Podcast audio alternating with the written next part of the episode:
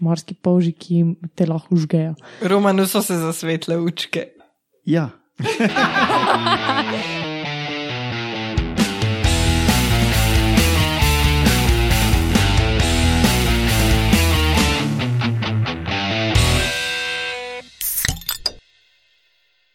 Lepo zdrav, poslušate 38. oddajo Metamorfoza. Metamorfoza je podcast o biologiji organizmov, ki vam jo predstavimo skozi lahkoten pogovor o pivu. Danes je z mano skoraj klasična zasedba biologov, um, za mešalko kot vedno Roman Luštrik, zdrav Roman, Roman Maha. Kaj povedati, Roman? Aj. Roman se dela, da je seksi. Ha, ha, ha. Jaz sem pa mislila, da je pirat. Ne, to je fora iz petega elementa. Poglejte svoje filme iz 90-ih. Ok, potem je z nami Urša Fležar, zdrav Urša. Živijo. Um, gostitelja Alenka in Laura Rozman, naša etnobotanika Šnopsona Makalca. Živijo. Naš današnji gost je o tem sinhronem pozdravu skomigno z očmi. Um, zdravo, Žan Kuralt. Živijo. Žan je bil pri nas že, ko smo v Črnih dojah snemali. Danes je prišel osebno prevzeti uh, metamorfoza darilce, ker se ob uh, izpolnjevanju ankete prijavil na žrebanje, ki ga potem ni bilo, In prinesel je klobase. in prinesel je drugo klobasno donacijo. Hvala, Žan, bila je odlična. Nekaj, še kdaj. Ja, že znaš s klobasami. Pa ko smo že pri poslušalcih, dobili smo mail, oziroma dva maila od istega človeka. Ali je še pisal v zvezi z 27. oddajo Metamorfoza, ko smo se pogovarjali o, če se spomnite, koliko črnonožcev je v hišah. In je bila raziskava iz Amerike, iz Severne Karoline. Ne, in smo mi tako malo čez palec ocenili, da je tam celinsko podnebje in nas um, zdaj Alež popravlja in, in pravi, da je tam zmerno toplo, vlažno podnebje z vročim poletjem eh, kar bi ustrezalo kakšnemu oceanskemu podnebju, podobnemu eh, britanskemu otočju. On je učitelj geografije na srednji šoli, mogoče. Ne vem, ampak hvala, Alež, za ta popravek. Um, pa potem še komentiral, mislim, da smo to govorili pri tistih rastlinah, ki čistijo zrak, da opuncijo imenujejo tudi indijska figa, zaradi italijanov, ki jim pravijo, zdaj pa ne vem, fiki di Indija, ali kako se CH po italijansko izgovori. Če, fiči di Indija. No, ja, hvala, Alež, za um, odzive. Um, tu bi še pripomnil, da imeli smo en predlog v anketi, da bi ljudje, ki imajo vprašanje, se posneli pa poslali posnetek na mail, metamorfoza afnametenlista.si. Ja, lahko naredijo, pa bomo vprašanje zlepili v podcast, pa odgovorili na njega v epizodi. ne. Teda, če bi se kdo rad posnel in kaj vprašal, pač naj vpraša. Ampak kratko in jedrnato. Pa ne zdaj sprašovati konfekcijskih številk, pa koliko je kdo strpa take stvari. Vse mi smo filter, pa se lahko odločimo, kaj ne da v epizodo. ok, podcast gostuje na medijskem mreži Metina Lista, vse ostale admin zadeve, se pravi naše kontaktne podatke in take zadeve bomo povedali na koncu oddaje.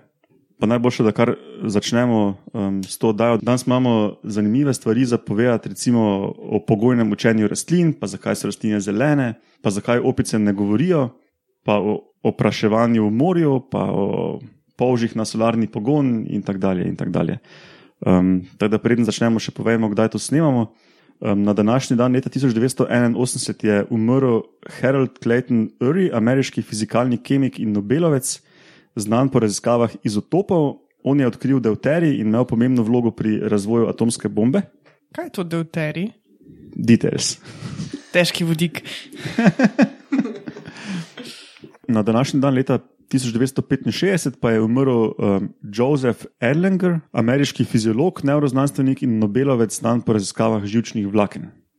Uh, Janica Kostelič ima danes rojsten dan, vse najboljše, Janica. Ja, pa na današnji dan je uh, Einstein objavil svojo enačbo, je MC kvadrat. Ah, cool. S tem, da za to ni dobil Nobelove nagrade, ne? on je dobil za drugo stvar. Ok, pivo je nalito, pa najboljše, da kar začnemo z novicami.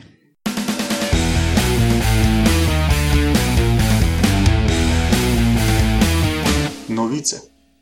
No, uh, eni Avstralci uh, so se, uh, jim je bil všeč Pavlov, ne, uh, Pavlova se spomnimo po unih eksperimentih z pasine, ki jim je cinglav, pa so se pa slinili, ker jim je dal hrano zraven in tako naprej.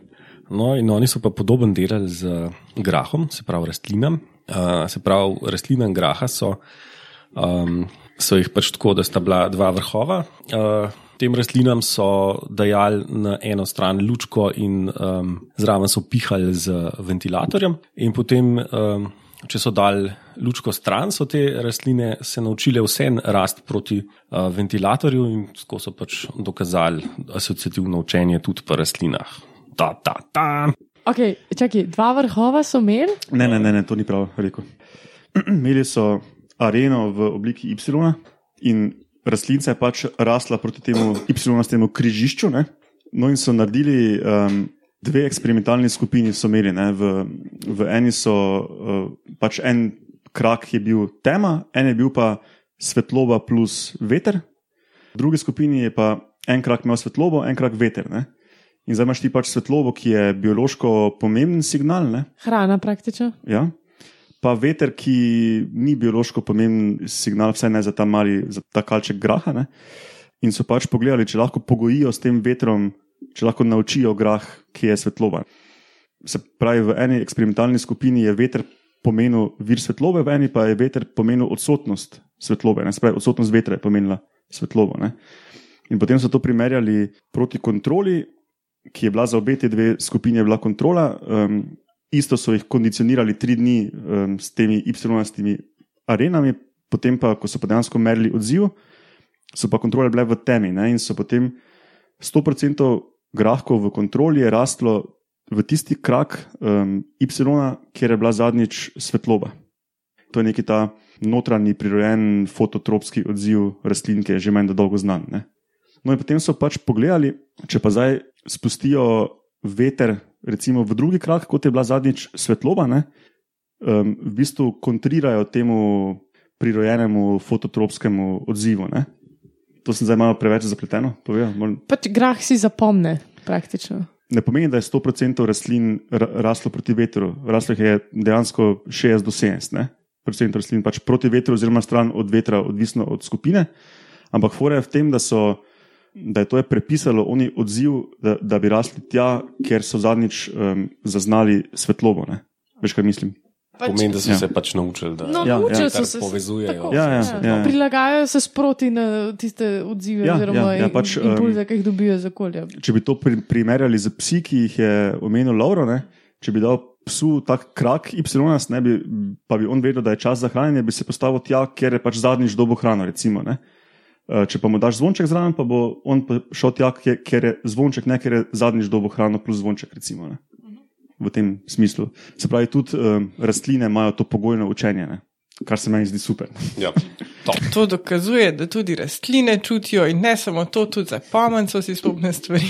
In se pa glede na to odločati, tako da vegani. Ne? Ja. Okay, naslednja je Alenka s tem, zakaj so rastline zelene. Članek je šel o fotocelicah za pridobivanje električne energije. In sicer očitno je problem, zdaj jaz lepo izrazov prosti ne razumem, ker nisem kvantni fizika, ne, iz katere. Pač te. Iz, Samo bistvo. Ja. V glavnem, ugotovili so, da če si zdaj predstavljamo, da ko zajemaš, ko delaš energijo iz svetlobe, kar fotocelice seveda delajo, um, si predstavljamo, da svetlobo zajemajo na enem kanalu in ta svetloba skozi dan ful niha, šumi. Oni so si pa zamislili, da bi zajemali svetlobo na dveh kanalih, da bi zajemali dve različne frekvence in jih pol med sabo povprečali, in izkaže se, da na ta način dobiš pa dost uh, konstanten ta um, tok energije, oziroma ta, ta šum se med sabo pač skensla in pa dobiš dejansko nekaj uporabnega ven. No, mi grede, to so se že rastline spomnile s klorofilom A in B, in um, tudi na ta način to isto stvar naredijo. Ja, no, to že odprej vemo, da slučajno je svetloba v vidnem spektru najmočnejša na Zemlji. In sicer največ je zelene barve, pač tisto, kar mi vidimo kot zelena barva. In pri tej študiji so pa ugotovili, da zelene barve se pa nikakor ne da povprečiti in je popolnoma neuporabna, oziroma samo štalo dela, ker zmer prebija pač ta presežek energije ustvarja in to dela škodo na fotocelicah. Oziroma je ful dosti fluktuacija, kak ne v jakosti in da Ja, to se- tudi. Um, Pač ta šuma. Ne? Ja, ja. Ker ti, če povprečaš, dobiš neko relativno konstantno, uh, konstanten nivo, ki ga lahko uporabiš, če ti pa prebija, pa povzroča škodo. Ne? Pač ti šum, ker je amplituda prevelika, tisto, kar, kar imaš premalo energije oziroma svetlobe, ti ga ne moreš uporabiti, ker imaš pa preveč svetlobe, da bi tehnologija to zmogla predelati, pa dela škodo, pač oksidativen stres povzroča. Če lahko ne, uh, tle bi se mogoče splačal, da tu zapiske tudi graf absorpcije eh, klorofila. Ki, ne, resno, ker, je, ker se lepo vidi uh, en vrh uh, na začetku in potem tam, kaj je zeleno, tako dolinca in uh -huh. pač na koncu uh, spet ta drug vrh absorpcije, ne, tam, kjer se sprošča elektron. Bomo dali zapiske. Ja, v glavnem, in to so oni pol um, razmišljali, da bi se na ta način dal razložiti tudi, zakaj so rastline zelene, ker pač zelena barva rastlin pride od tega, da zeleno odbijajo, se pravi, jo ne uporabljajo v procesu fotosinteze. Um, Skratka, so sklepali, da bi to povzročali preveč oksidativnega stresa oziroma poškodbe zaradi prevelike izpostavljenosti svetlobi. Zanimivo, da dva tako različna sistema, kot je klorofil in fotocelica, da na nekak na isti način reagira na isto valovno dolžino. Se isto ja, fisko uporablja. Ja, to je zdaj sicer ta laboratorij, ki se ukvarja s fotocelicami. Ne? Um, so postavili to hipotezo še pač glede rastlin. Um, no, pa čeprav zdaj to njihovo hipotezo nekateri biologi na internetu so že takoj začeli kritizirati, je vseeno ima nekaj smisla. Ne? Um, meni se zdi zelo smiselno. Tudi meni.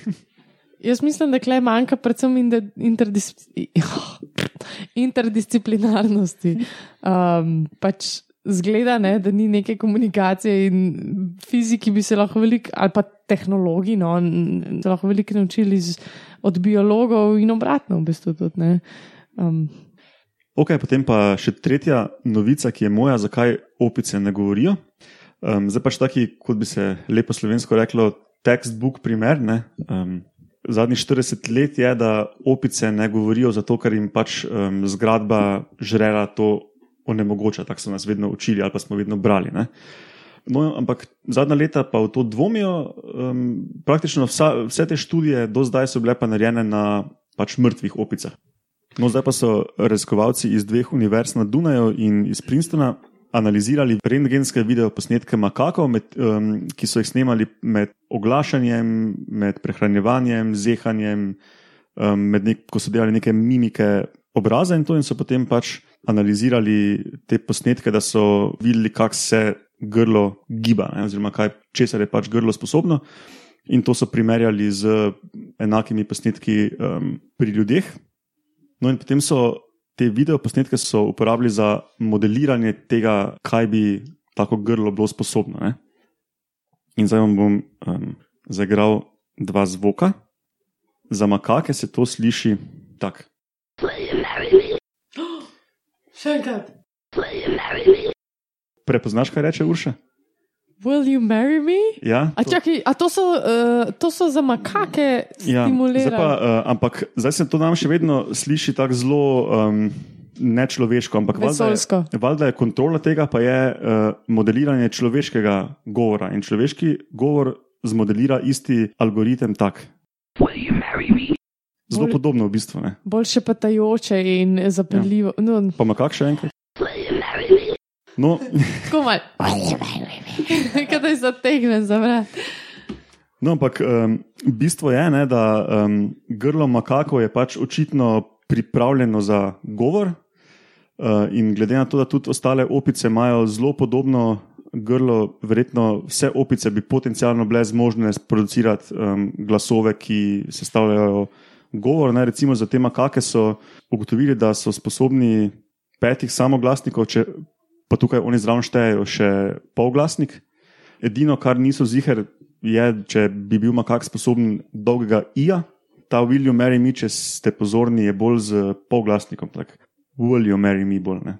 No, ampak um, menda je tam od pet, naprej, od pet samoglasnikov naprej tudi večina človeških um, jezikov uporablja, um, malo številni pa tudi manj, celo samo tri. da. Pa tudi večino soglasnikov bi bili sposobni, ne, tako da pač imajo kapaciteto za govor. sklepajo pa, da, da pa dejansko ne govorijo, v primerjavi z nekaterimi ptiči, recimo, ne, ker um, pač sklepajo, da so pri opicah možgani malo drugače zvezani s temi mišicami, ki kontrolirajo grlo, v primerjavi s, pač, um, z nami ali pa s ptičine. In da pač eh, njihovi možgani ne znajo tako fino kontrolirati teh mišic, da bi oni bili sposobni te glasove delati.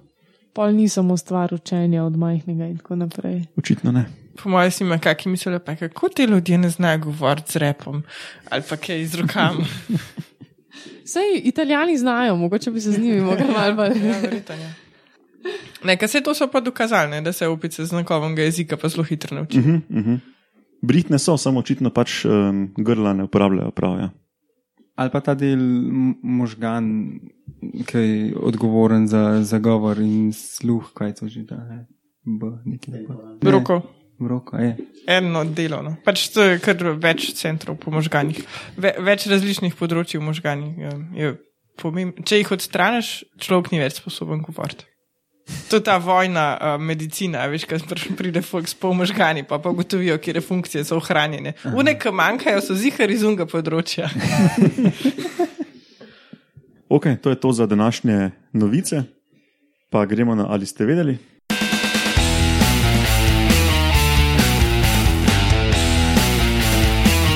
Ali ste vedeli? To si ti, Alenka? Spet sem jaz, o, to imam pa spermo, rastlinsko. Se pravi, pelod. Ja, obstaja ena morska trava, talasija testudinum, ki v resnici ni trava, ampak ena kaličnica, v glavnem cvetoča rastlina, ki živi v morju in so jo uporabljali za um, tale poskus. Že odprej so vedeli, da pelod spuščajo v obliki ta takih sluzastih paketkov, in pri uh, rastlinah, ki rastejo v vodi, se pričakuje, da pač pelod raznaša morski tok. Kot pač pri pri vetrocvetkah na kopnem, a nekaj z vetrom leti po zraku, tam pač so pričakovali um, z vodnim tokom. Ampak izkaže se, da tudi v vodi obstaja nekaj podobnega, kot, so, um, kot je funkcija žuželk upraševalcev. In sicer gledali so nevretenčarsko fauno, se pravi večinoma rakce verjeten, ki so se hranili s tem pelodom, ampak ne samo to, dejansko so s tem, ko so prehajali od enega cveta na drug cvet, tudi pripomogli k oprašitvi. In to je to. Tako da kot imamo na kopnem žužko cvetke, so tukaj rako cvetke. Ja, Čeprav so eno količnice. ja. Se tudi eno Ja. na kopnem so lahko žužko cvetke, recimo tulipani, pa narcise.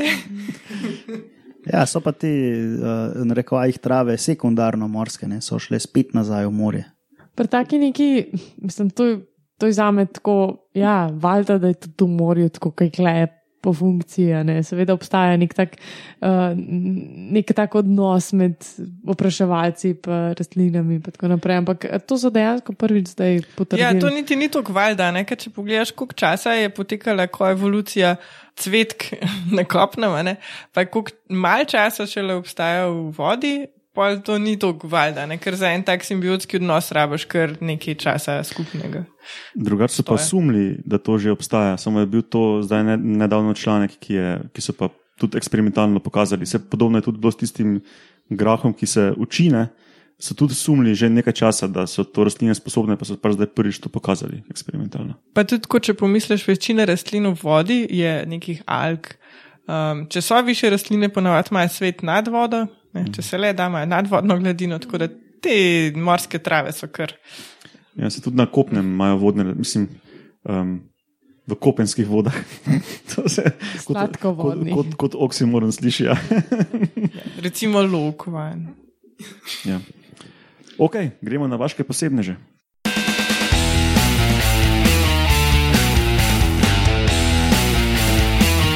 Vaški posebneži.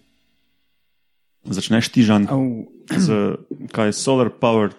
solar powered sea slug. Se pravi, uh, vaški posebnež, uh, ki ga bom probal kratko in jedrnato predstaviti, je uh, po latinsko Elizija chlorotica. Gre za morskega golega polža, ki je, kot pišejo, majhen do srednje velik. Kar kot to pomeni. Zdaj pa, Ja. kar si kera to predstavlja. Ja. Zdaj, Me, mere so večinoma naj bi bili od 20 do 30 mm, ampak eni so tudi do 60 mm veliki. Je zelene barve, zelene barve pa zaradi kloroplastov.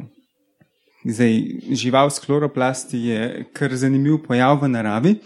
Zdaj, ena funkcija teh kloroplastov je to, da so kot varovalna barva, ker ta žival živi v slanih močvirih oziroma zelo blizu obale na globini do pol metra in ponavadi je tam veliko neke vegetacije po tleh in se nekako skrije tam. Ampak zdaj, kako ti kloroplasti sploh pridejo v žival, zdaj ta polž, polži imajo radulo, se pravi, kaj je jezik, ki ima gor, taka majhna rezilca in z radulo prelukna celično steno alg in potem vsebino posrka, kot da bi slamco tako. No. Okay. Kako? In potem vse razen kloroplastov prebavi, kloroplaste pa se drži v prebavnem traktu in jih, ugra, in jih ugradi v celice prebavil. Ta prebavila so zelo razvejena in ti kloroplasti so ugrajeni tja z uh, fagocitozo. A niso zelo na podoben način tudi eni morski polži, ki isto delajo z ožigalkarji, samo da njihove tiste ožigalke tudi nekako prenesejo v svoje telo in jih potem izpostavijo, so kar naenkrat strupeni in uh, uh, pač nevarni, no nevarni, pač morski polži, ki jim telo užgejo. Romanu so se zasvetle učke. Ja, Yes. Bi rad povedal več o tem, Roman? ne. Okay, um, se pravi, živi v obalnem delu vzhodnega dela ZDA. Se pravi, kloroplasti so zdaj v živali in ti kloroplasti lahko v živali preživijo tudi do 10 mesecev. Zdaj, Wow. Zanimivo je to, da kloroplasti v svojem genomu nimajo genov za vse proteine, ki jih rabijo, da živijo. Se pravi, mora polž sintetizirati nek del teh proteinov in so ugotovili, da jih. In sklepajo, da je do tega prišlo z nekim horizontalnim prenosom genov. Spravi, Virusi pa tu. Ni nujno. Ja, ni nujno, so še drugi načini. Ampak ja, jaz bi rekel, da ko, ko pozavga tisti noter, očitno v alga pa mora imeti te gene. Očitno je bilo toliko pa toliko primerov, ki so jih uspeli uspešno ugraditi v svoj genom in tisti so verjetno bili uspešnejši, ker so lahko manj delali, ker so kloroplasti za njih uh, sintetizirali cukor in so lahko, mm. kot Klele lepo piše, eh, se osredotočijo na more, uh, more important activities such as mating and avoiding predation. Se pravi, pomembnejše aktivnosti, kot so parjenje in izogibanje predaciji. Aha, in um, polži začnejo srkati kloroplaste takoj po metamorfozi iz velike larve. Pač polži imajo tak, uh, se pravi, um, ne bi šel v uh, razvojni krok polžev, ampak imajo neko larvo, Ličinko. ličinko, ki se ji reče veliger. Poglejte, ful dobro zgleda. Um, aha, in na začetku ti kloroplasti ne živijo tako dolgo v živali, potem pa s časom pa skozi dlje, uh, uh -huh. skozi dalj časa preživijo. Tako da, očitno, mogoče na začetku pa še ne proizvaja dost proteinov oziroma Oziroma, to verjetno pomeni, da pač proizvajanje tega proteina ni prirojeno. ali kaj?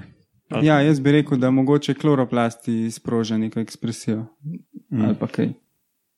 Aha, in zdaj temu odnosu nisem povedal, da gre za endosimbiozo s kloroplasti ene alge, ki se ji reče Vauherija litorea. In zdaj tej simbiozi se reče kleptoplastija. In zdaj ta kleptoplastija, zakaj se reče temu kleptoplastija? Zaradi tega, ker dejansko polž ukrade plastid, v tem primeru kloroplast, algi.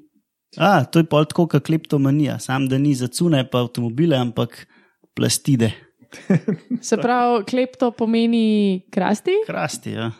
kaj pa ta drugi del izraza? Plastid, To so, to so pa eni celični organeli, ki pridajo v tisoč in eni izvedbi. Ok, Urša, potem imaš pa še zdaj ti um, ta drugega vaškega posebneža, ki se oglaša tak.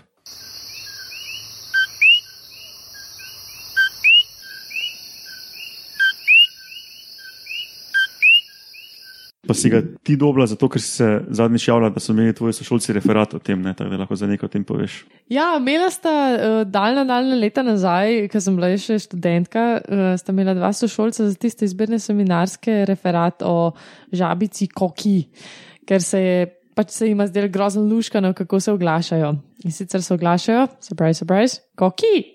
Um, Vse smo v zvok pred tem tvojim. Ja, no, sej, ja. ampak mogoče se ljudje, ki poslušajo, ne zavedajo, da to res lahko s črkami sestaviš v eno besedo in se tako tudi dejansko reče, pač kot neko splošno, eh, oziroma to ime, eh, ne latinsko, ne, za, za te žabe.